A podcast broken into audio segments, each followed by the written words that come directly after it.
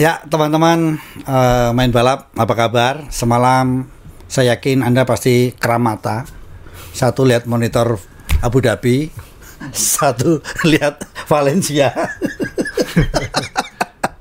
Dan yang menyakitkan adalah saat itu saya sedang berkendara nyetir dari Bandung ke uh, Surabaya. Jadi istri saya udah bilang saatnya berhenti kita makan Pak anak saya Des kamu makan nggak? Aku bisa makan di mobil kok. Kalau istri saya nggak harus berhenti karena makan yang aku belinya ada kuahnya. Oh. ya jadi sebentar ya satu lagi mood nyetir ini. Padahal saya tuh ngitung jam 8 start di mana.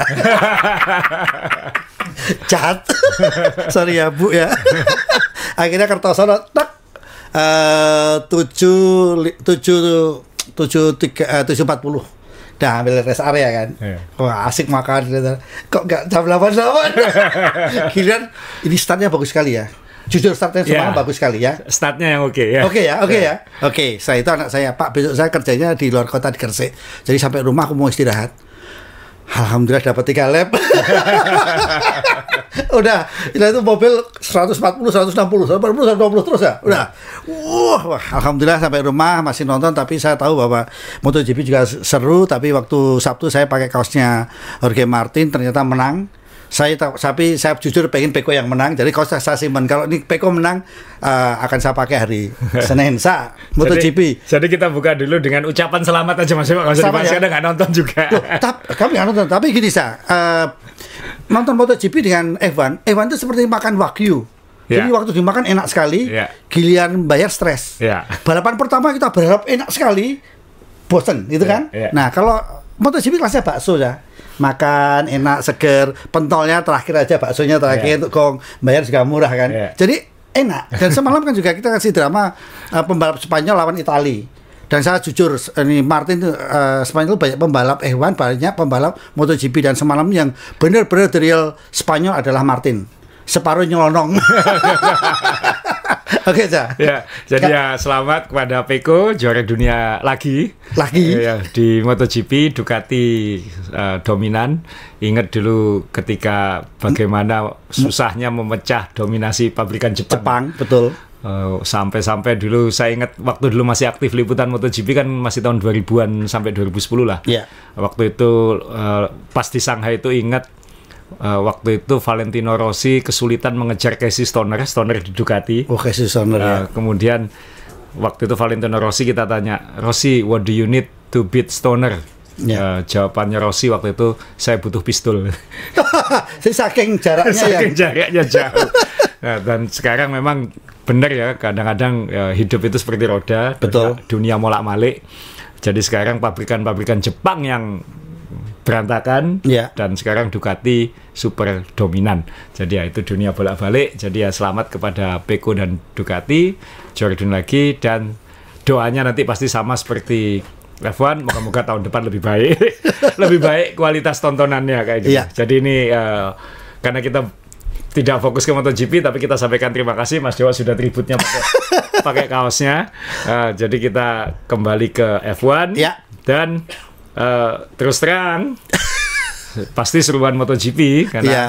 tadi malam itu uh, apa ya? Bobby Arifin, Om Bobby WA saya bilang apa sah? Ketiduran lap kelima katanya. Tidak boring. Tidak boring.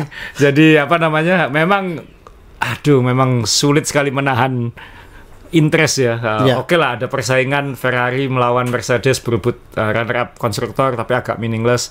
Kemudian bagaimana Sunoda berjuang habis-habisan supaya Alfa Tauri ngejar poinnya Williams. Ngalahkan Lewis Hamilton. uh, itu juga uh, kesulitan. Yeah. Uh, ada drama kecil-kecil. Uh, tapi pada akhirnya kan tetap pada akhirnya ini memang musimnya Max Verstappen dan Red Bull. Jadi kalau sudut pandangnya Verstappen ya. Ini perfect ending untuk perfect season kira-kira kayak gitu. Ya seasonnya hampir perfect lah. Ya. uh, tapi endingnya perfect buat dia akan dapat pole position uh, kemudian menang dan fast lap ya kalau nggak salah. Jadi hampir hampir lengkap. Uh, sehingga eh sorry fast lap saya nggak yakin ada tapi tolong diingetin.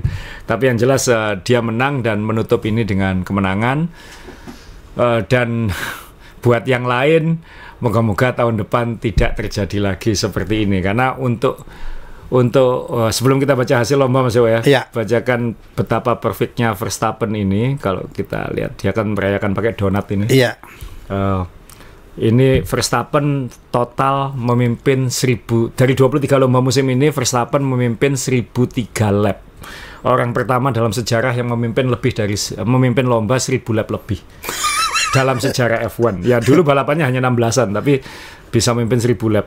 Itu lebih itu sama dengan total Bahwa- McLaren memimpin tahun 88 waktu itu McLaren menang 15 dari 16 lomba. 16 oh ya. Waktu tapi 1003 lap tahun 88 itu dibagi antara Alain Prost dan Ayrton Senna. Oh, tidak dominan Tidak satu sendirian. orang. Ini Iya, satu iya. orang. Iya. Satu orang. Jadi kita belum menghitung berapa lap yang dipimpin oleh Perez. Berdua, ya. 1003 lap. Kemudian Verstappen ini yang saya sebut perfect tadi ya. Biasanya kita selalu berharap dan menyampaikan biasanya sehebat apa pun juara dunia dia akan membuat satu kesalahan. Ada jatah salah. Ada jatah salahnya. Jatah. Ya. Tahun ini Verstappen menuntaskan semua lomba, Tanpa. menyelesaikan semua lap. Jadi nggak ada darah-darahnya Valentino Rossi ya. Dia dominan tapi kadang di belakang dulu startnya tapi nye- terus nyerang-nyerang terus dia menang. Iya. Itu nggak ada ya. Menang ya menang gitu ada, ya. iya, Apa pun dia- menang ya. Dia menyelesaikan jadi dari total semua lap 23 lomba, Iya. dia menyelesaikan semuanya. Jadi perfect apa itu? Kalau kita sekolah perfect attendance ya, nggak pernah bolos, Nggak bolos, nggak pernah ya. sakit, Iya. dan eh, semua mata pelajaran dimakan tidak ada izin ke toilet ataupun izin izin masuk ke apa eh, ruang kesehatan atau apa Iya. itu, itu sempurna, ngeri. Sa, sa, eh, sering nggak asal lihat maaf ya. Saya lihat nggak misalnya kayak udah dominan aja masih sering ngeluh. Iya, tapi pada akhirnya kita sudah kalau Verstappen ngeluh, wah, percuma paling bohong kan. Oh, ya udah. Nggak ngaruh. Saya kemarin juga ngeluh dua kali kalau nggak salah. Satu, kan. bannya sudah mulai habis. Kedua, ini ada ini kok mes, uh, power unitnya ada apa-apa? Ini ada caranya nggak? Terus kemudian Red Bull ngasih tahu tekan ini, tekan ini selesai. Itu bukan bukan karena orang yang perfect nggak, itu cuma acting aja itu. Yang ya ada masalah kecil-kecil tapi nggak signifikan gitu kan. Hmm, terus apa lagi siapa? Apalagi ini Sudah seribu terus apa lagi sekarang ya? dia 19 menang kali. dia menang 20 dia menang 19 kali terbanyak dalam sejarah. Sejarah. naik podium 21 kali terbanyak Ya. dalam sejarah jadi ya apalagi ya Apa lagi? Paling banyak dapat bonus. paling banyak dapat bonus di rumah ya di rumahnya udah jadi kid station banyak piala macam-macam Red, ya kan Red Bullnya sendiri juga ngeri ini 21 kemenangan dari 22 lomba ya hanya miss satu di Singapura kena Sainz sains ya Jadi total hanya tiga pembalap yang menang tahun ini. Verstappen 19, Perez 2, Sainz 1. itu hebatannya Ya, ya Tuhan, ini balapan yang entah kenapa kok kita bisa bertahan podcast tahun ini Mas Yo. sa Iya. sorry ini kita tanya ke teman-teman di sini ya Iya. bosen nggak gitu Iya. bosen nggak Bosen nggak? bosen nggak jawabannya pasti bosen tapi Max juga ketawa lu tambah bosen ketika kita libur Masuk, ya habis ini libur. Iya, iya. Libur tiga bulan lebih ya ya. kita juga ngupload nggak ada Ngupload, apa-apa iya, itu betul. kadang-kadang orang itu kadang orang bosen bosen kita ditinggal bosen Bosen beneran lagi, ya. makanya ada tagline sekarang bosen Max tapi tidak untuk Kelly Oh. bojone ayu ayu. terus ah 14 pole position. 14 position Nah, ini agak ngasih lah, eh, ngasih Ferrari lah. ini. Iya, iya, iya, iya. Kemudian sprint dikasih balapan sprint pun ya diambil 5 dari 6. gila ya Yang satu kena Piastri tapi ya. Iya, Eh, kemudian 30 total podium. 11 fast lap dan 860 poin terbanyak dalam sejarah. Oh ya Max tadi juga selisih poinnya 290 dengan Perez itu juga terbanyak dalam sejarah. Tapi kita harus terima kasih kepada Perez saya. Kalau Perez ini memang pembalap yang hebat juga. Rakus juga di podium, gimana apa nggak tambah bosan gitu kan? Tapi alhamdulillah Perez ini kan pemain sepak bola diambil untuk balapan Formula One, jadi ya sering dia sering ngejar cari penalti. Hobi dapat penalti itu. ini untungnya ini tidak ada dua pembalap ya bukan berarti Perez bukan kelas A mas Iya, ya tapi iya. kalau ini dengan mobil ini lalu pembalapnya seperti Hamilton Rosberg atau Iya. Senna Senna Prost Iya. Ini lebih mengerikan lagi nih, ini 100% kemenangan ini. Tapi ya mungkin juga lebih dramatis juga karena ada pertarungan intra tim itu. Tapi yang jelas ya udahlah ini kita segera kita segera bahas balapan Abu Dhabi dan musim 2023 dan kita move on dengan dan kita semua berdoa semoga Tuhan tahun depan tidak tidak Seperti sedominan ini, ya, ya tidak harus seperti 2021 eh, tapi juga jangan seperti tahun ini dan tahun lalu. Ada ada dramanya lah kan. Tahun berapa itu yang ada 8 lomba pertama, 8 pemenang itu kan lebih menarik. Iya betul betul betul. Lebih menarik dibicarakan. Nah ini kita bahas hasil masuk ya. Iya. Top 10 uh, Verstappen tadi sudah dibahas uh, dominasinya perfect ending. Uh, Leclerc, Leclerc, uh, ya. sekali lagi Leclerc ini nggak menang lagi musim ini. Berarti dia tipe tiga, ti- empat, empat musim terakhir tiga musim nggak menang ya. Iya, padahal dia juga selalu di sel- selalu dapat kayak pole, dan Pole di sebagainya. depan, dan Tapi lain-lain. selalu melakukan kesalahan ya. Atau kesalahannya diambil sekarang terus ya semuanya. Moga-moga tahun, Tahun depan, depan baru dibalik. dibalik ya. Semoga. Ras- Russell Iya. uh, yang kemarin berjuang untuk posisi konstruktornya Mercedes sampai Iya. bertanya-tanya aku harus ngapain, aku harus ngapain lagi. Hamilton di mana? Hamilton di mana? Supaya memastikan peringkat dua. Kayaknya dia ada bonus kalau dapat nomor dua itu makanya. Bonus tambahan. Dan sulit sulit percaya ini baru dua kali ini Russell naik podium musim ini. Tapi kan kalau lihat eh, di media saya baca Russell bilang bahwa ini adalah tahun tersulit saya, terjelek saya gitu loh. Dan saya juga ngomong sombong banget kamu di William gaji berapa? Enggak, lah, makanya Cuk, sombong-sombong rek. di Williams dulu kayak gimana Kamu gajinya berapa? bertahun-tahun itu Iya. Ya, kemudian Perez yang kena penalti 5 detik sehingga akhirnya tetap ya. nomor 4 nanti kita bahas itu tabrakan dengan Norris itu Iya. layak penalti atau menurut saya layak karena waktu itu dia tidak memiliki apexnya ya Eh, jadi kalau nyalip itu kan Oh. dia diokekan kalau dia posisinya hidup di depan mobilnya Hidung. mau disalip tapi waktu di apex itu saya kira Norris Sejajar. masih- sejajar kalaupun sejajar Norris ada di dalam jadi Norris yang punya tikungan Tapi Perez kan juga berkelit. Kan saya udah di depan katanya. Alibinya. Dia lupa kalau bisa ada VAR ya kan. Lah, iya. kan kameranya banyak itu dia anu. Jadi ya seperti itu McLaren eh, Norris 5, Piastri 6 ini eh, saya sempat kecewa banget waktu qualifying karena berharap Norris bisa di depan, Depan. karena memang kalau lihat babak latihan tanda-tandanya Norris yang bisa Iya. menantang. Eh, jadi kecewa banget ketika Norris start nomor 5 Karena itu ya melebar tuh ya. melebar Iya, itu nge- eh, ngepot Ngepot itu ya betul. dan s- Norris ini kan kalau bisa menang akan ending yang baik buat saya pribadi. Eh, tapi memang McLaren tahun ini terlalu banyak bikin kesalahan saat qualifying, baik Norris maupun eh, timnya dalam menentukan kapan keluar, kapan dan lain-lain. Jadi Iya. mungkin nggak layak menang juga. Tapi setelah melihat lomba, bannya McLaren kayaknya lebih boros dibanding yang lain. Jadi ya mungkin nggak layak juga untuk menang. Jadi ya mungkin ini Menghibur diri nih. ya ini Menghibur. ini ini ini bukan hasil yang buruk tapi juga mungkin bisa lebih baik sedikit apalagi pit stopnya kemarin ketika adu pit stop wah McLaren kan 1,8 detik Jago ya sekarang ya. tercepat dalam sejarah dunia Iya. gitu kan Nah, ternyata kemarin malah ketika adu pit stop lawan Mercedes malah Kalah. malah kalah bikin kesalahan jadi ya ya oke lah nah, Alonso mene- menutupnya dengan poin bagus Eh, Om Bobby Arifin punya catatan khusus Kenapa sah? Uh, aku rasa Alonso akan ke Red Bull menggantikan uh, uh, Perez. Itu tidak ada gosip lainnya itu omongannya Om Bobby. tapi tapi kita juga jujur ya, kita tahun ini terhibur Alonso juga loh ya. Betul. Beberapa kali Khusus, kita tahu ya. khususnya di awal tahun lah. Awal tahun dan Tadi malam pun ya. juga sebenarnya Iya. kan dia break testing Hamilton. Dia kan dia memang kalau disuruh defend luar biasa. Iya betul. Kalau di defend luar biasa. Sunoda sempat Ya. ngasih entertainment, sempat mimpin uh, pembalap Jepang kedua dalam sejarah yang memimpin F1 setelah Takuma 1. oh iya pernah ya. Iya. Semalam sempat mimpin ya. Iya sempat memimpin, Uh, tapi akhirnya gagal.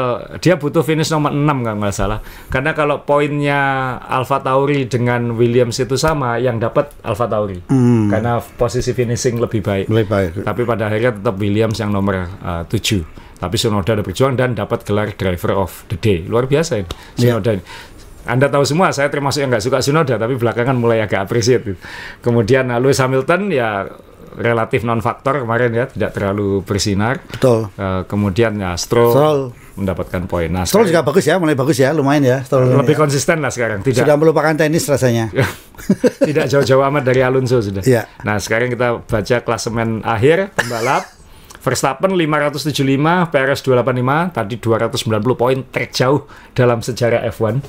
Kemudian Hamilton secara luar biasa masih bertahan di nomor 3 Iya, dengan usianya. dengan usianya dan mobilnya. dengan performa belakangan yang Iya. menurun ternyata masih nomor 3. Nah, Iya. yang seru ini kan yang Alonso, Leclerc, Norris, Sainz ini kan. Iya. Sainz yang melorot banyak ini Wow. langsung ke peringkat berapa ini? Eh, Satu dua tiga empat 4, 5, lima 6, enam 7, tujuh. langsung ke 8. Norris juga eh, walaupun naik tapi Norris kemarin kalau bisa di depan Russell dia akan bertambah poinnya dia bisa nomor 4. Iya. Tapi ternyata Alonso yang nomor 4 luar biasa nih. Alonso terakhir nomor 4 masih di Ferrari kalau nggak salah. Uh, tahun 2000 apa? 2012 atau 2013 teman-teman mengingetin. Jadi Alonso dengan Aston Martin bisa peringkat 4 itu luar, Luar biasa. biasa. Ini peringkat 3 4-nya umur 40-an masuk nih. Oh, Eh, iya. Hampir 40 lah ya Hamilton Oh, iya, iya, 38, Alonso 40-an, Perez juga senior 33 dari 4 atas ini senior banget. Wih, iya benar uh, Perez. Oh ini grup rematik gitu. Tapi Sangar konsisten. Iya, Tapi iya, konsisten iya, iya, iya. poin ya. Sangar, sangar, sangar. Nggak angin-anginan kayak anak muda ya kan. Kemudian nah, Leclerc, Leclerc dan Alonso poinnya sama, tapi kan Alonso banyak banget podiumnya ya. Nggak ketawa aja. Nggak yang merasa muda daripada saya. Jadi nggak angin-anginan kayak anak muda. Yang orang tua emang gampang kena, kena masuk angin. Iya langsung eh Ya, Piastri sah, Piastri ya, luar Piastri, biasa. eh, Luar biasa ya, Rookie saya. of the Year ya. Eh, Ya. Saingannya tidak terlalu berat, tapi Dan masuk bisa 10 besar loh, Sa. peringkat 9 ya itu Iya. luar biasa. Stroll akhirnya mengamankan peringkat 10. 10. Iya. Nah, sekarang klasemen konstruktor ini juga lumayan seru. Red Bull 860 poin. Gila, Selisihnya 400 lebih 451 Gila, separuh. dengan Mercedes. Iya, Ini hanya selisih 3 poin Ferrari dan Mercedes. sedih ya. Ini kalau poinnya sama kemarin Ferrari yang di atas karena Ferrari punya menang. Iya, iya betul betul ya. Ferrari Sa. punya menang. Jadi kalau dibilang selisih uang hadiah ya mungkin bisa jadi 10 sampai 20 juta dolar tapi untuk, Untuk- Mercedes dan Ferrari mungkin nggak terlalu signifikan ya. iya. Tapi ya dan mungkin toh sama-sama nggak akan 10 tahun lagi nggak akan ada yang ingat siapa nomor 2, siapa nomor 3 mungkin. Iya, cuman kan kalau kita lihat kan eh, dominasi Mercedes yang begitu kuat, itu kan hanya selisih tiga poin kan sedih juga itu. Sedih juga. Tapi ke Iya. atasnya jauh banget itu kan. Jauh banget. Dan kalau kita tahu aturan cost cap dan apa ya uh, aturan pembatasan uji coba Ya. kan mungkin lebih baik nomor tiga dengan uang banyak daripada nomor dua dengan uang banyak. Jadi mungkin Ferrari moga-moga bisa memanfaatkan selisih jatah uji coba Uji dan coba, ya. pengembangannya Ya. untuk bisa melompat bukan hanya ke nomor dua tapi ke nomor satu. Ya, ini Tapi pengeluaran Ferrari paling banyak loh saya. Ini Ferrari itu diam-diam eh, dua pembalapnya selalu menghancurkan mobil loh. Banyak loh, bener loh. Ini paling banyak loh ini, bener nggak? Iya. Ini paling banyak loh pengeluaran boros loh ini. Iya kan? Yoi. Karena saya baru tahu ya kenapa eh, logonya Prancing Horse kuda yang jingga itu baru tahu. Proposition itu ternyata sudah dari dulu. Cuman yang kelasnya kalau sekarang kan gini-gini. Hmm. Iya. Kalau zaman Ferrari masuk balapan Formula One itu proposisinya gini, jedek jedek jedek. Nah, gini terus diam aja dia. Atau maksudnya ngelompati pagar pembatas kalau mau nabrak. Kemudian McLaren uh, 300 nomor empat, ya sesuai target ini. Ya, sesuai target ya. target. Uh, setelah awal musim yang begitu hancur, ternyata Ya. Jadi kekuatan kedua sebenarnya di akhir musim, tapi tidak cukup waktu untuk mengejar Mercedes dan Ferrari. Uh, tapi minimal mereka punya fondasi yang kuat dan McLaren barusan memperpanjang kontrak dengan Mercedes tetap memakai mesin Mercedes sampai 2030 Wah, lama juga ya. lama. Jadi ini dia akan mem- stabil ya. Karena kan regulasi mesin sekarang juga tidak seperti dulu kan. Maksudnya antara pabrikan dengan yang enggak kan sama mesin. Sama betul tahun Jadi ini. aku lebih baik stabil aja lah kayak gitu. Tapi eh, insinyurnya yang merancang mobil itu yang memang harus kuat ya saya. Yang harus kuat, Dan ya. itu rasanya McLaren tahun ini kelihatan luar biasa loh, Sa. Dia dia nemu caranya kan. Iya kan? Dan kalau kita bicara momentum, jadi momentum tahun ini akan kebawa minimal di awal musim depan harusnya McLaren bisa membawa momentum ini ke musim depan. Moga-moga. Walaupun, Kalau walaupun ta- awal-awal tahun sempat stres ya, masalah rem, masalah aduh. Waduh, awal, Masalah- awal tahun udah- ini kacau banget, Iya tapi kan fondasi dia jauh lebih baik sekarang. Iya. Dan dia kayaknya tahu caranya. Karena karakter mobil dia paling mirip dengan Red Bull. Di mana Red Bull cepat, di situ dia cepat. Cuman Iya. masalahnya eh, ada karakter-karakter handling atau apa kecil-kecil yang mereka belum bisa selesaikan. Khususnya mungkin soal suspensi ya, karena kekuatan utamanya Red Bull menurut saya di di suspensi dia. Dan solusinya lebih cepat dibanding maaf Mercedes yang duitnya banyak, betul. SDM-nya banyak, bagus-bagus ya kan? Iya Ya, kan? itu full pabrikan kan ya. Ini McLaren ini kan tim yang barusan recovery dari masalah keuangan. Jadi Ya. mereka uh, seperti dibilang Norris, kita punya masa depan yang lebih jelas sekarang kayak gitu. Nah, Aston Martin juga melompat, Lompat. walaupun kehilangan momentum. Kita lihat uh, tahun depan apakah masih bisa seperti musim ini Iya. di atas kertas sulit, tapi mereka punya Alonso kalau nggak pindah kayak gitu. Alpine no man's land ya, ke atas enggak, ke bawah enggak, dia balapan dengan diri sendiri ini. Padahal tim pabrikan ini ya. Ini pabrikan. Eh, nah ini kita kita lihat tahun depan seperti apa. Kalau melihat tanda-tandanya kayaknya biasa-biasa aja. Tidak ada gebrakan untuk musim depan. Ganti manajemen lagi di atas.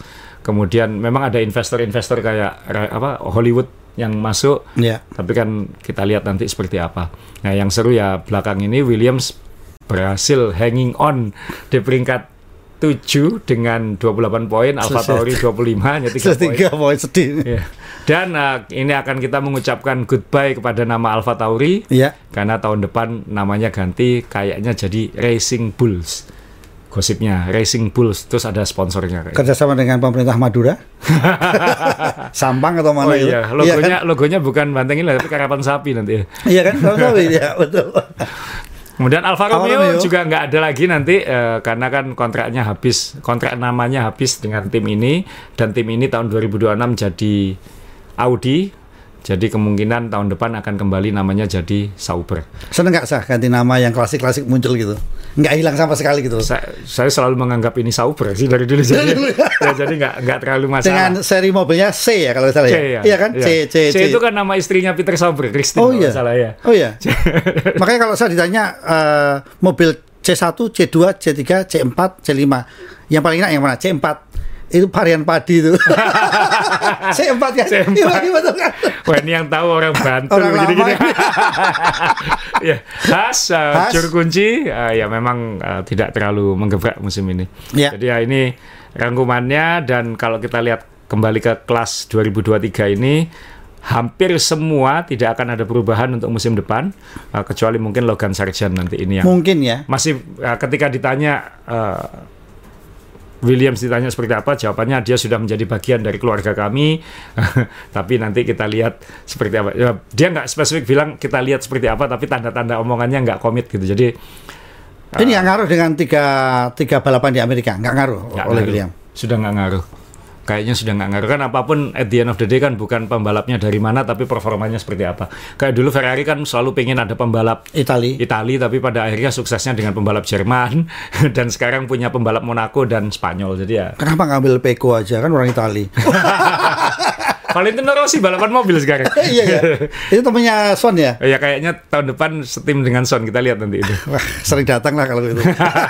Jadi itu itu balapannya dan ya. sekali lagi selamat kepada Max Verstappen. Tadi sudah kita bahas banyak di awal musim yang semoga tidak terulang lagi di masa mendatang karena F1 sedang naik daun, valuasinya sedang tinggi-tingginya. Kalau tahun depan mengulang aja seperti ini, uh, saya nggak tahu nanti rating rating atau apa di F1 akan seperti apa. Kita ingat waktu zaman dominasi Mercedes, betul. Sebelum diakuisisi oleh Liberty Media, sempat di Eropa sendiri sempat turun 30 persen di Eropa sendiri. Ya. Apalagi di Indonesia sudah nggak ada lagi tayangan terestrial ya, ya. TV gratis.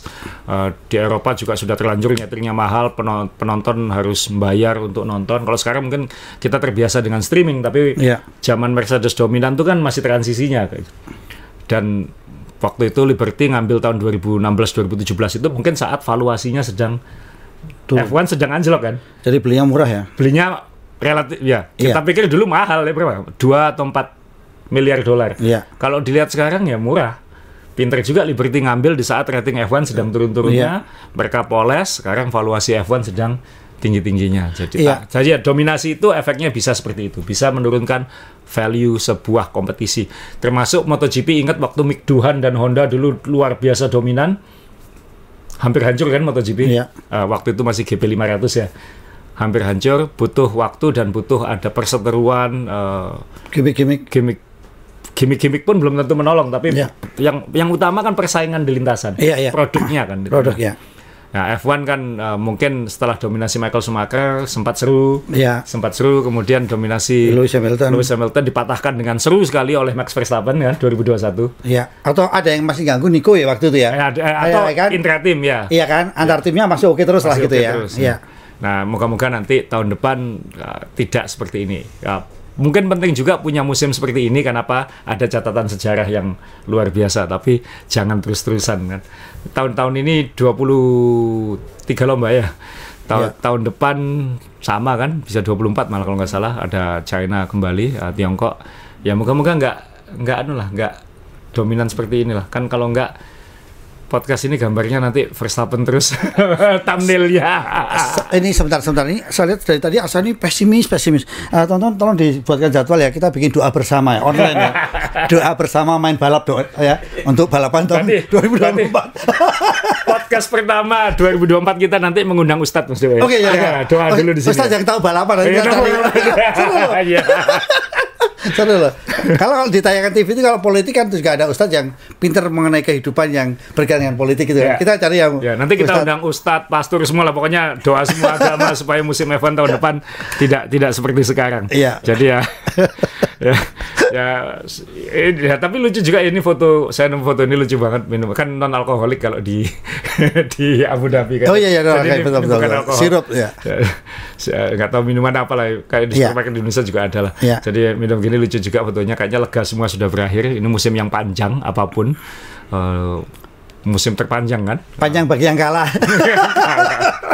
dan dan anu jadi ya khusus uh, bicara soal Ferrari tadi Leclerc uh, ya kita tahu dia superstar cuman kalau dia tak kunjung menang-menang lagi ya, ya dan tahun ini pada akhirnya memang poin dia lebih banyak daripada Sains tapi Sains yang menang.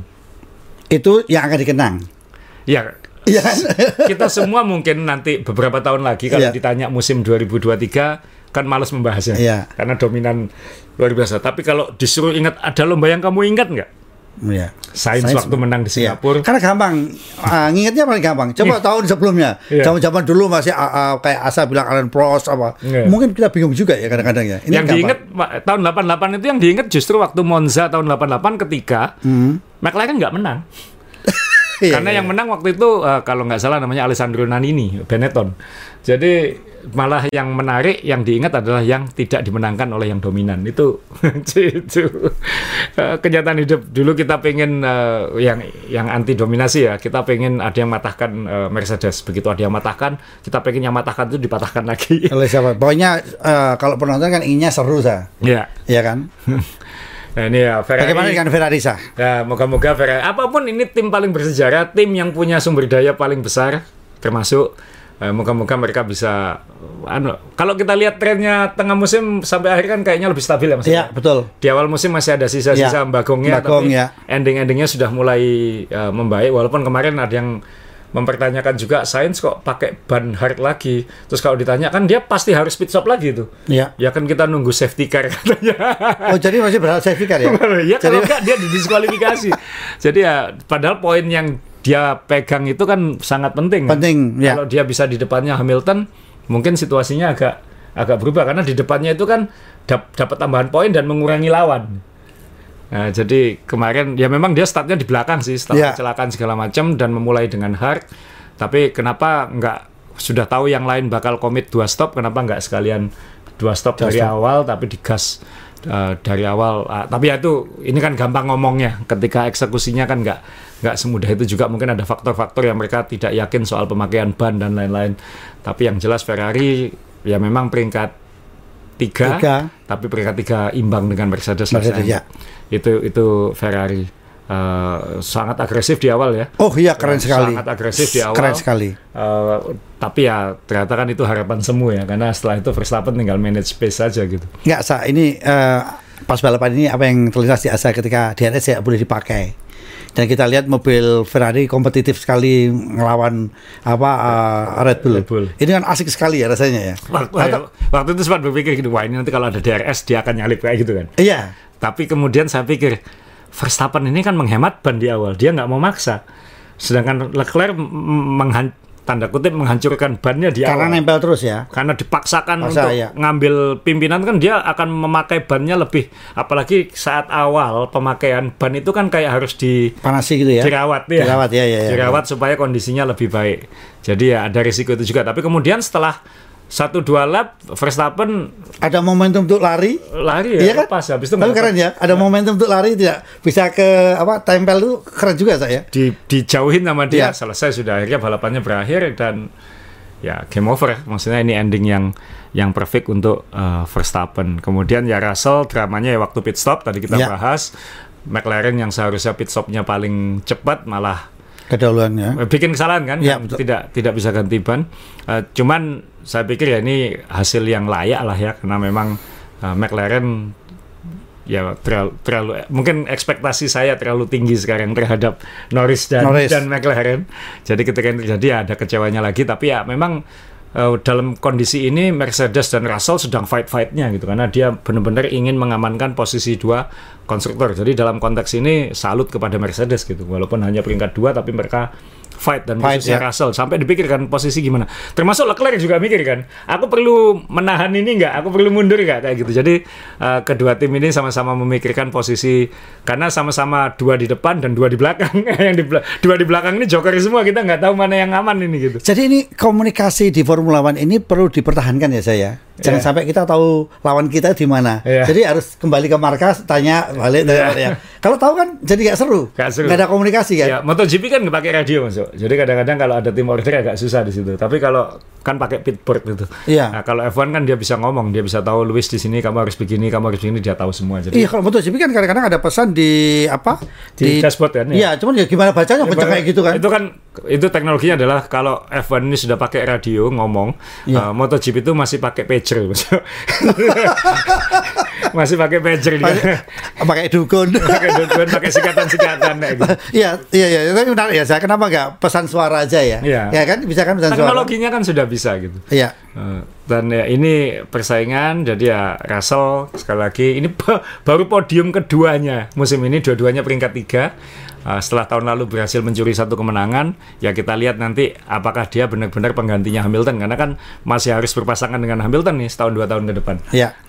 Dan lihat mobilnya nanti kalau mobilnya memang kompetitif kita nggak tahu juga nanti Hamilton Mo- di mana. mobilnya Mercedes termasuk yang tanda tanya kan tahun depan karena dia yang konsepnya nyeleneh sendiri dan uh, sampai akhir tetap uh, nggak klik gitu dalam artian nggak nggak nggak meyakinkan 100% gitu untuk bisa nyodok ke depan Uh, Sa, Sa- Asa tadi ny- uh, nyinggung masalah konsep mobilnya Mercedes yang berbeda. Ya. Ya kalau Mercedes memang timnya kan utuh, timnya ya, desainernya utuh ya. Ya. Kalau yang lain kayak tadi Asa bilang ini uh, punya McLaren mirip dengan Red Bull, sangat mirip. Ya. Memang ada bocoran orang Red Bull yang pindah ke situ kan? Um, Ada kalau salah ya. ya du- dulu tapi uh, nggak juga tapi konsepnya memang ya semua udah contek-contekan semua sih kayak gitu. Yang pindah dari Red Bull nanti malah yang di Ferrari kan yang kita tunggu tahun depan. Oh. yang di Ferrari. Jadi ya, kita lihat nanti.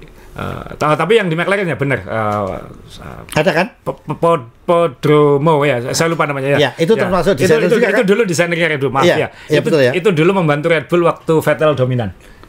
Ya, itu di situ. Eh, ini yang ditakutkan uh, Ducati sekarang ya. Jangan sampai mekaniknya juga hilang juga. ya, ta- moto ya MotoGP lebih sulit ya karena kan mungkin elemen aerodinamikanya nggak sekomplek Mot-. MotoGP itu kan kayak harus pas antara sasi dengan Ya. frame apa, dengan board dengan aero dengan bentuk pembalapnya Ya, dengan ya. gaya pembalapnya dengan bannya. Martin kan komplain soal bannya nggak cocok buat dia segala macam.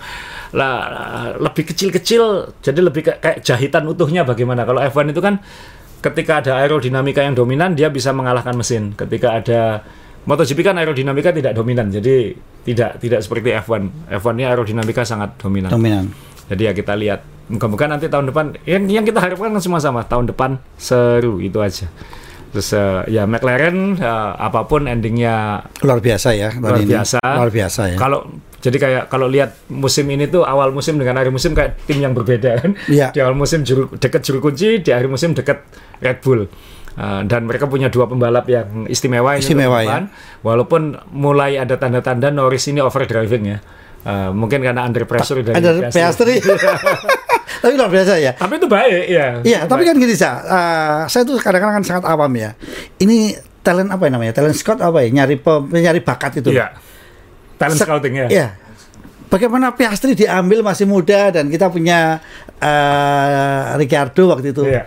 Ini kan membalikkan semuanya. Saya sekarang baru gila ya, memang hebat anak ini ya. Ya, dan mereka para engineer, Iya. para bos-bos tim ini kan punya data yang kita tidak bisa lihat. Kayak bagaimana mereka menilai Ricciardo dengan menilai Piastri, Piastri. misalnya. Eh, cara ngambil tikungannya, kapan dia ngerem data. Kan kalau kita lihat data komputer di belakang itu, kita bisa Iya. lihat setiap gerakan kakinya pembalap ini dan itu efeknya ke aerodinamika bagaimana kalau ngegasnya kecepatan kurangan itu kan Ada data semua ya. ada data semua nggak bisa bohong. Pembalap tuh nggak bisa bohong. Jadi Nah, satu lagi sa, tapi kan ada juga yang ngomong selalu ada kata-kata dia lebih alamiah kata-kata itu loh saya Ya. menurut saya kan wah ini ini ini ini Tuhan Betul. ini ini ini Betul. anugerah Lebih alamiah itu adalah gini, ada pembalap yang memang k- kayak saya. Saya ini bukan tipe yang sangat talented di dunia olahraga. Saya harus latihan keras, harus berusaha keras sebelum bisa nyaingi teman misalnya kayak gitu. Tapi ada yang nggak usah latihan dia langsung bisa. Nah, yang yang naturally talented itu kalau dilatih dikasih arahan akan jadi lebih istimewa lagi. Jadi ada ada dinding dinding batasnya akan jauh lebih tinggi kayak gitu atap atapnya. Nah, eh, ada mungkin banyak ini ya masuk balap itu kan mahal masuknya. Iya. Nggak semua bisa masuk balapan. Eh, ada pembalap yang butuh waktu untuk adaptasi adaptasi dan belajar kenapa? Karena dia akan diajari kamu kalau kamu kalau ngeremnya Iya. 5 meter lebih jauh mobilmu akan begini. Iya. Kamu kalau ngegasnya 2 meter lebih cepat atau satu meter lebih cepat mobilmu akan begini. Itu bisa dipelajari. Kalau dia punya kemampuan intelektual walaupun natural talentnya nggak seperti yang Iya. lain, dia mungkin akan bisa ke sana. Tapi mungkin ada yang alami kayak kamu nanti nggak aku udah tahu. Itu, itu mungkin ada juga ya kayak gitu. Aku tadi eh, 5 meter kurang dekat, satu meter itu ada juga yang seperti itu. Itu yang namanya natural talented. Jadi dia eh, kayak Sena dulu bisa ngalahkan data. Ngalahkan data. Ngalahkan data. Dulu ada cerita sangat terkenal Ayrton Senna itu kan jujur zaman pem- pembalap zaman dulu latihannya nggak seperti pembalap zaman sekarang. Iya. Kalau sekarang kan eh, latihan fisiknya, programnya segala macam itu lebih detail. Pembalap zaman Ayrton Senna 90-an, 80-an itu kan lebih kalau liburan ya liburan kayak gitu. Dia nggak akan lari, dia nggak akan latihan fisik seperti sekarang. Walaupun tuntutan fisiknya juga besar kayak Iya. gitu. Nah, dulu tuh terkenal kalau liburan nggak mau diganggu. oh jadi benar-benar sudah di luar Formula Ya, One jangan ganggu saya. Tapi di hari pertama uji coba tiba-tiba dua detik lebih cepat daripada temennya. gila ya Ya itu itu namanya natural talent dan Sena tuh bisa bisa dibilang gini. Uh, engineer-nya bilang uh, batas waktunya segini. Kalau kamu bisa perfect di tikungan ini ini ini nanti lap time-mu segini. Dia bisa lebih cepat daripada simulasi komputer. Ya itu, tapi mungkin komputer zaman dulu nggak secanggih zaman sekarang. Iya masih pakai DOS itu pakai WS pakai WS itu Tapi tapi ada memang yang naturally talented seperti itu. Dia nggak perlu diapa-apain dia sudah cepat ya gitu. Nah, Iya. Nah, semakin tinggi talentanya, semakin di-develop, dia akan semakin semakin hebat. Jadi Nah. itu yang kita Iya, yang jelas dua-duanya ini istimewa Iya, sekarang. kalau di MotoGP menurut saya yang paling alamiah ya Marquez. Dikit-dikit ke alam, dikit ke alam, jebalik ke alam, dikit-dikit jatuh ke alam. alamiah. Alamiah. Nge- tapi Marquez itu ngeri ya maksudnya. Ngeri. Ngeri. ya. Ngeri, ngeri, ngeri. Uh, risk takingnya Terlalu dan kuat. kita sudah tahu dia pasti sudah punya masalah saraf itu kan karena penglihatan segala macam. Iya, tapi maksa terus gitu. Eman ya, sayang sekali ya. kan kalau kita tahu olahraga full kontak ya kayak tinju, American football kan banyak kasus-kasus ketika usianya sudah Iya, eh, mohon maaf Muhammad Ali punya Parkinson. Iya. Eh, kemudian banyak eh, mantan pemain NFL American football itu bunuh diri di usia 50-an karena karena dia sudah nggak tahan dengan sakitnya. oh, Jadi ada gangguan di otak, gangguan di badannya itu. Jadi itu mengerikan ya. Dan di dunia balap MotoGP kira-kira saya kira markas yang paling banyak ini markas jatuh ya. Uh, saya dulu ingat, saya dulu ini jauh sebelum era in- era podcast dan internet begini. Tapi saya, saya dulu kita dulu kan sering MotoGP mas ya. Saya juga Ya. masih sering liputan MotoGP. Saya dulu pernah mungkin yang saya- yang yang tua tanda kutip tahu yang namanya Alex Barros. Oh, tahu, tahu. ya pembalap zaman dulu. Saya dulu pernah masuk di garasinya Barros ditunjukin sama dia foto dia dioperasi.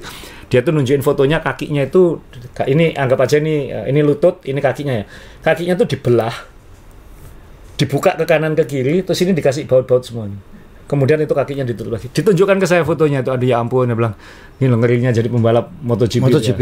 ya. Pembalap Grand Prix ya jadi ya uh ya Iya ya, kan makanya kan kalau kita lihat teman-teman itu kan patah tangannya, kakinya Iya. tuh gila ya di MotoGP itu biasa gitu Biasa, ya. ya. Iya kan? Dan teman-teman mungkin juga bisa melihat kalau uh, MotoGP itu memang kenceng tapi kan bajunya ada pelin- uh, pelindungnya. tapi kan nggak bisa melindungi semua itu Iya, tap, eh, yang kita rasakan ya teman-teman Iya. kalau kita di Sepang waktu Asa ngajak eh, dengan waktu itu masih SRBC sepedaan di sana. Iya. Itu kan banyak teman-teman eh, Surabaya itu yang fo- saya pikir jatuh, ternyata, ternyata acting cuma di foto. Iya. Kenapa? Merasakan bagaimana Valentino Rossi jatuh. Iya. Tapi itu ternyata kan kerakal batu-batu itu kan ya kan Sa, tajam sekali gitu kan. Iya. Nah, menurut saya kan ini juga luar biasa ya teman-teman. Jadi kalau beda dengan sepeda loh, saya, saya Iya. sepeda lebih ker- lebih sangar Iya, loh. langsung kulit ya Langsung kulit, sepeda lebih kulit loh. Iya. Dan kecepatannya 100 loh. iya Iya kan? ya kalau turunan bisa 100 lebih ya Nah, ini sprint 70-an ya 70 80 ya Hmm. sepeda loh itu sepeda loh itu. ya dia ini ya kembali ke McLaren Mas Dewa. Jadi ya moga-moga McLaren juga karena mobilnya oke banget. Iya. Tinggal uh, Norris bilang ada karakter-karakter kayaknya itu terkait dengan suspensi, tapi yeah. harusnya mereka bisa atasi. Uh, Aston Martin juga sama, uh, uh, Mercedes juga sama. Ini dua tim uh, mesinnya sama semua ini. Yeah. Aston Martin, uh, Mercedes, McLaren mesinnya sama semua. Ada anu ini Liga Mercedes di sini. uh, plus satu lagi, ya ini Liga Mercedes yeah. ya, ya ini uh, Williams yang Albon selamat Anda uh, memang bintang ternyata tinggal timnya aja bisa improve atau tidak peringkat 7 Uh, dan tinggal menunggu uh, gebrakan apa yang bisa dibawa lagi oleh James Fowles ini ke Williams. Dengan dan, segala keterbatasannya. Dengan segala keterbatasannya tahun ini dia berhasil menstabilkan tim ini dan membawa performanya naik. Karena mobil ini secara downforce terburuk di F1 itu sudah diomongin. Cuman dia memang punya kemampuan di trek lurus yang hebat. Berarti intinya mobilnya lurus nggak mau belok lah intinya kayak gitu. Jadi dengan keterbatasan ini mereka memilih trek-trek mana yang memang itu harus dapat poin dan bisa dioptimalkan. Optimalkan. Ya. Dioptimalkan ya. bisa dan Albon bisa mengoptimalkan karena kan Sarjan hanya satu poin. Iya. Ini kan Albon sendirian pada dasarnya. Betul.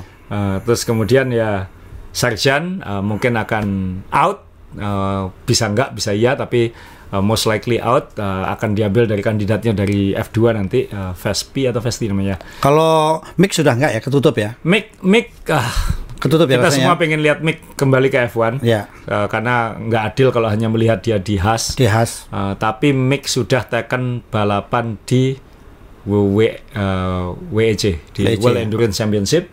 Uh, dia membalap untuk Alpine di situ.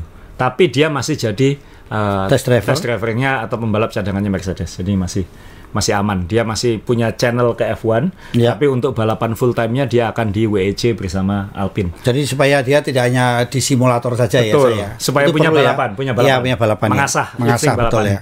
Uh, berarti ada alasan lagi nonton WEC tahun depan maksud kan ketemunya pasti gampang gitu. Loh enggak kalau kalau uh, Mick nggak apa-apa santai aja. Iya. Nomor 46. Oh, banyak alasan berarti nanti. ya. ya, teman-teman saya mau ikut nonton WC ya. Kemudian ya, terus uh, kemarin ada perpisahan satu, ya. uh, Franz Tost, uh, prinsipalnya Alfa Tauri, dulu prinsipalnya Toro Rosso, yang ditunjuk oleh Red Bull untuk memimpin uh, tim ini setelah diakuisisi dari Minardi kan dulu namanya Minardi, Minardi dibeli oleh Red Bull jadi Toro Rosso kemudian jadi Alfa Tauri bosnya orang ini selama wih sejak tahun 2006 ya. Siapa aja yang pernah diantar dia? Sebastian Vettel. Vettel, oh. Menang di Toro Rosso 2008 kan waktu itu. Iya, dan waktu di kita di Shanghai nomor oh, 4. Iya, nomor 4 ya. itu pertama kali ya pertama dia. kali. Toro Rosso nomor 4. Oh, iya. Sangar ya. Terus kemudian uh, Max Verstappen iya. pasti, ya. Daniel Ricciardo pasti, uh, Carlos Sainz. Carlos Sainz. Uh, dan masih banyak lagi ya. yang yang sekarang di balapan-balapan lain. Jadi uh, ini sekolah sekolah F1 uh, kepala sekolah F1 tim F1 yang baik ini. Dan ini foto dengan Ben Sulayem, presiden FIA dan Domenicali uh, CEO F1. Jadi terima kasih Franz. Uh, kita tahu helmnya Yuki Tsunoda ada ada Oh ada ada gambar-gambarnya ya, Franz oh, ya, tribut tribut ya.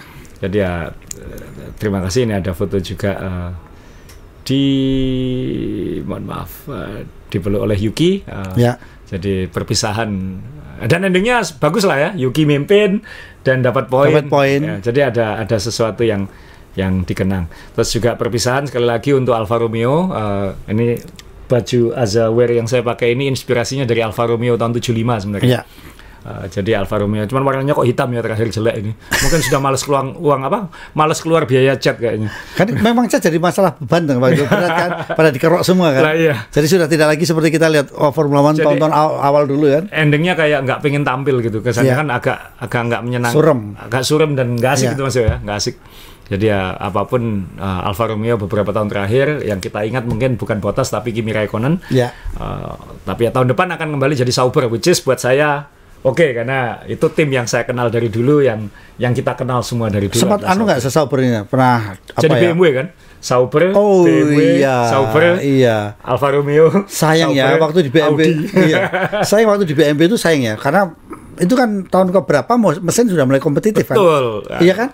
sayang sekali ya, iya. ya waktu itu BMW ya, harus... tapi itu kan ada kaitannya sama krisis uh, krisis oh, iya. global iya. tahun 2009 itu Betul. juga. Jadi Mario Tyson. Mario Tyson, Dokter Tyson. Mario Tyson. Uh, eh, ke mana dokter. orang itu sekarang ya? Loh kan kita ingat gak? Yeah. Waktu di Bahrain uh, kita nunggu koper, yeah. Sasa boleh aku difotoin sama orang siapa? Loh, lihat aja kamu Mario kan? Mario Tyson. Mario Tyson. Ya, nggak tahu di mana orangnya sekarang. Jadi ini uh, kembali Sauber tahun depan dan ya. itu itu baik. Jadi itu dan mungkin uh, dari saya terakhir Mas Jawa kita akan karena kan uh, juara F2 juga barusan ditunjuk. Ya. Uh, barusan ditunjuk, barusan di, didapatkan uh, bahwa Theo Porcher ya Tuhan namanya susah banget. Theo Porcher ini berhasil menjadi uh, juara, juara. F2 dan kita menunggu dia full time di F1 kapan. Uh, masalahnya kan kursinya udah relatif penuh semua dan sekarang kan kamu channelnya channel siapa kan kayak gitu ya. Dapil mana kamu? Dapil William? Mana? Dapil, Dapil William atau Dapil, Dapil mana? Atau Mercedes, ya. ya. Iya kan? Ya. Karena mix saja Dapil Mercedes belum dapat kursi. Belum dapat kursi. Iya. Karena dulunya Dapil Ferrari, salahnya pindah Dapil. Kan eh, dia dari Dapil Ferrari pindah ke Dapilnya. Kalau Dapil Ferrari ke mana kira-kira dia larinya? Uh, ya kan tahun depan yang masih pakai mesin Ferrari masih ada Sauber, masih ada Haas. Oh iya. iya. Tapi Haas kan suka pembalap senior, jadi ya. karena kapok dengan dua pembalap muda kayaknya. Jadi kita lihat nanti channelnya seperti apa. Ya siapa tahu nanti ada tim-tim lain yang mau mencoba. Kalau kita lihat listnya Mas ya, dulu namanya F3000, ya. kemudian jadi GP2, kemudian jadi F2 ya. Itu tahun 2005 Nico Rosberg, 2006 Lewis Hamilton. 2007 Timo Glock Timo Glock ingat yang ah, disalip uh, Hamilton Toyota. yang disalip Hamilton naik Toyota disalip Hamilton jadi juara dunia 2008 kan Timo yeah, Glock Timo Glock 2008 ini agak hilang Giorgio Pantano yeah. Nico Hulkenberg, Hulkenberg ya, yeah. 2009 Pastor, Pastor Maldonado yang ini agamis ini yeah. Maldonado walaupun pernah menang dia yeah. naik Williams tahun 2012 yeah. Romain Grosjean juga yeah. Mantan juara ini nggak kenal nggak kenal terlalu Lemer ini juga nggak kenal ya.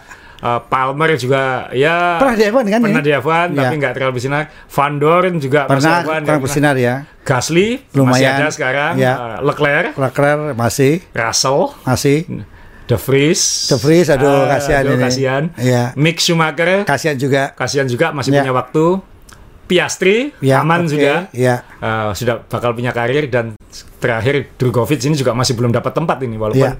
uh, sudah di Aston Martin sudah nyoba-nyoba ya. Jadi tinggal uh, ke mana nanti Theo ini akan akan berlabuh. Itu itu dari kami dan uh, dari saya.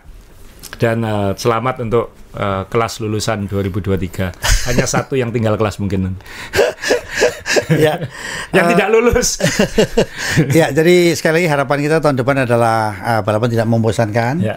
ya kan, walaupun kalau kita ditinggal empat bulan ini juga bosan sekali. uh, ya, nggak tahu, mungkin perlu detox juga dari F1 Mas Ya, asal kira-kira ngisi waktu kosongnya apa sah? Saya. Ya. Uh, kira apa sah? Yang berkaitan dengan F1 loh. Yang berkaitan dengan koleksi, uh, hobi yang berkaitan dengan F1. Ya pasti ngikuti berita-berita pasti masih, masih. karena kan uh, siapa tahu ada gosip-gosip mengejutkan atau apa. Uh, paling lebih banyak uh, mempelajari teknis-teknisnya lagi uh, karena kan dengan intensitas balapan tahun ini tiga minggu berturut-turut, dua minggu berturut-turut itu kan juga ya. ya. Saya dulu suka baca buku regulasi, saya suka baca buku-buku. Uh, saya punya beberapa buku, misalnya di belakang saya ya. ada buku-buku biografi pembalap atau buku-buku teknis.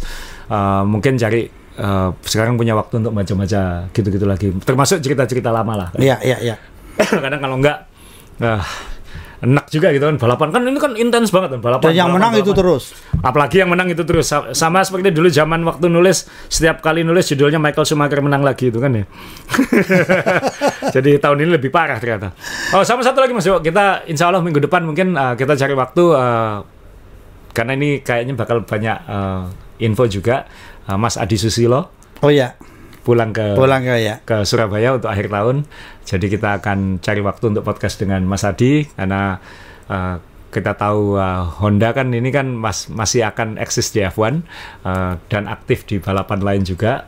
Uh, kita tanya-tanya soal WEC lah nanti, soal uh, IndyCar. oh IndyCar ya. Jadi ya siapa tahu dia dapat dia punya ngasih wawasan lagi juga buat uh, teman-teman penggemar balap lah. Khusus. Termasuk beliau ini kan juga penggemarnya toko yang sering eh, yang kita kunjungi di Tokyo kemarin Tokyo yang apa? Oh, di Tokyo yang jualan apa Iya, itu kan dia juga ternyata langganan di sana. Oh, langganan di situ iya, juga. Iya, dia komentar. Ini ini yang terbaik katanya begitu. Ya. Sama dia sudah biasa sih saya bawa oleh-oleh buat buat kita dan teman-teman main balap. Yeay. Oh gitu ya.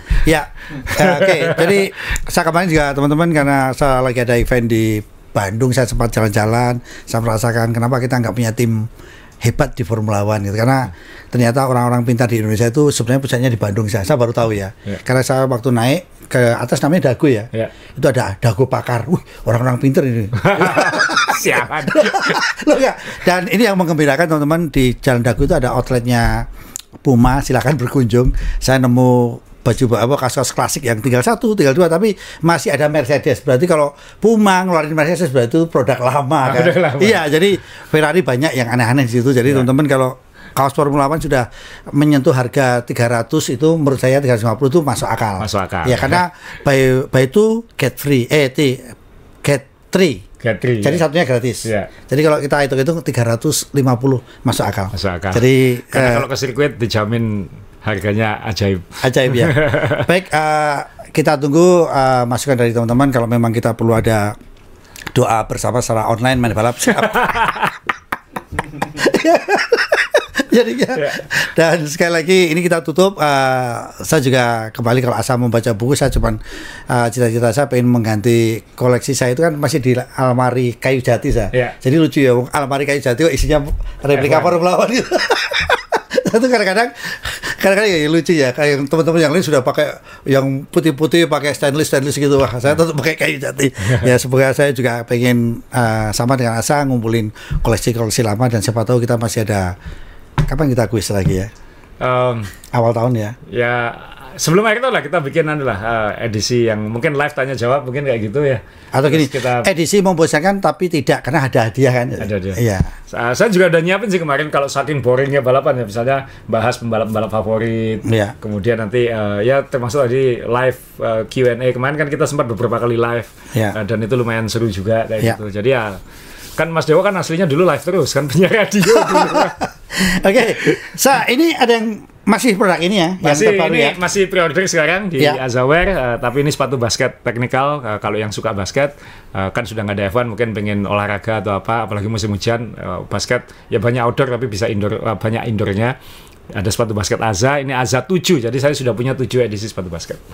Ya, Baik sekali lagi teman-teman terima kasih uh, jaga selalu komunikasi di main balap silahkan intinya apa pun yang anda ingin sampaikan apa pun yang anda komplain juga boleh tetapi karena kita uh, tetap adat ketimpunan kita tetap uh, akan menghargai itu semuanya. Sekali lagi terima kasih jaga kesehatan sampai ketemu lagi bulan. Ya abis ini sudah langsung edisi Desember ya. Sialan Mas Dewo. Iya. Iya kan lo kita empat bulan ya. Iya. sekali lagi terima kasih uh, teman-teman. Salam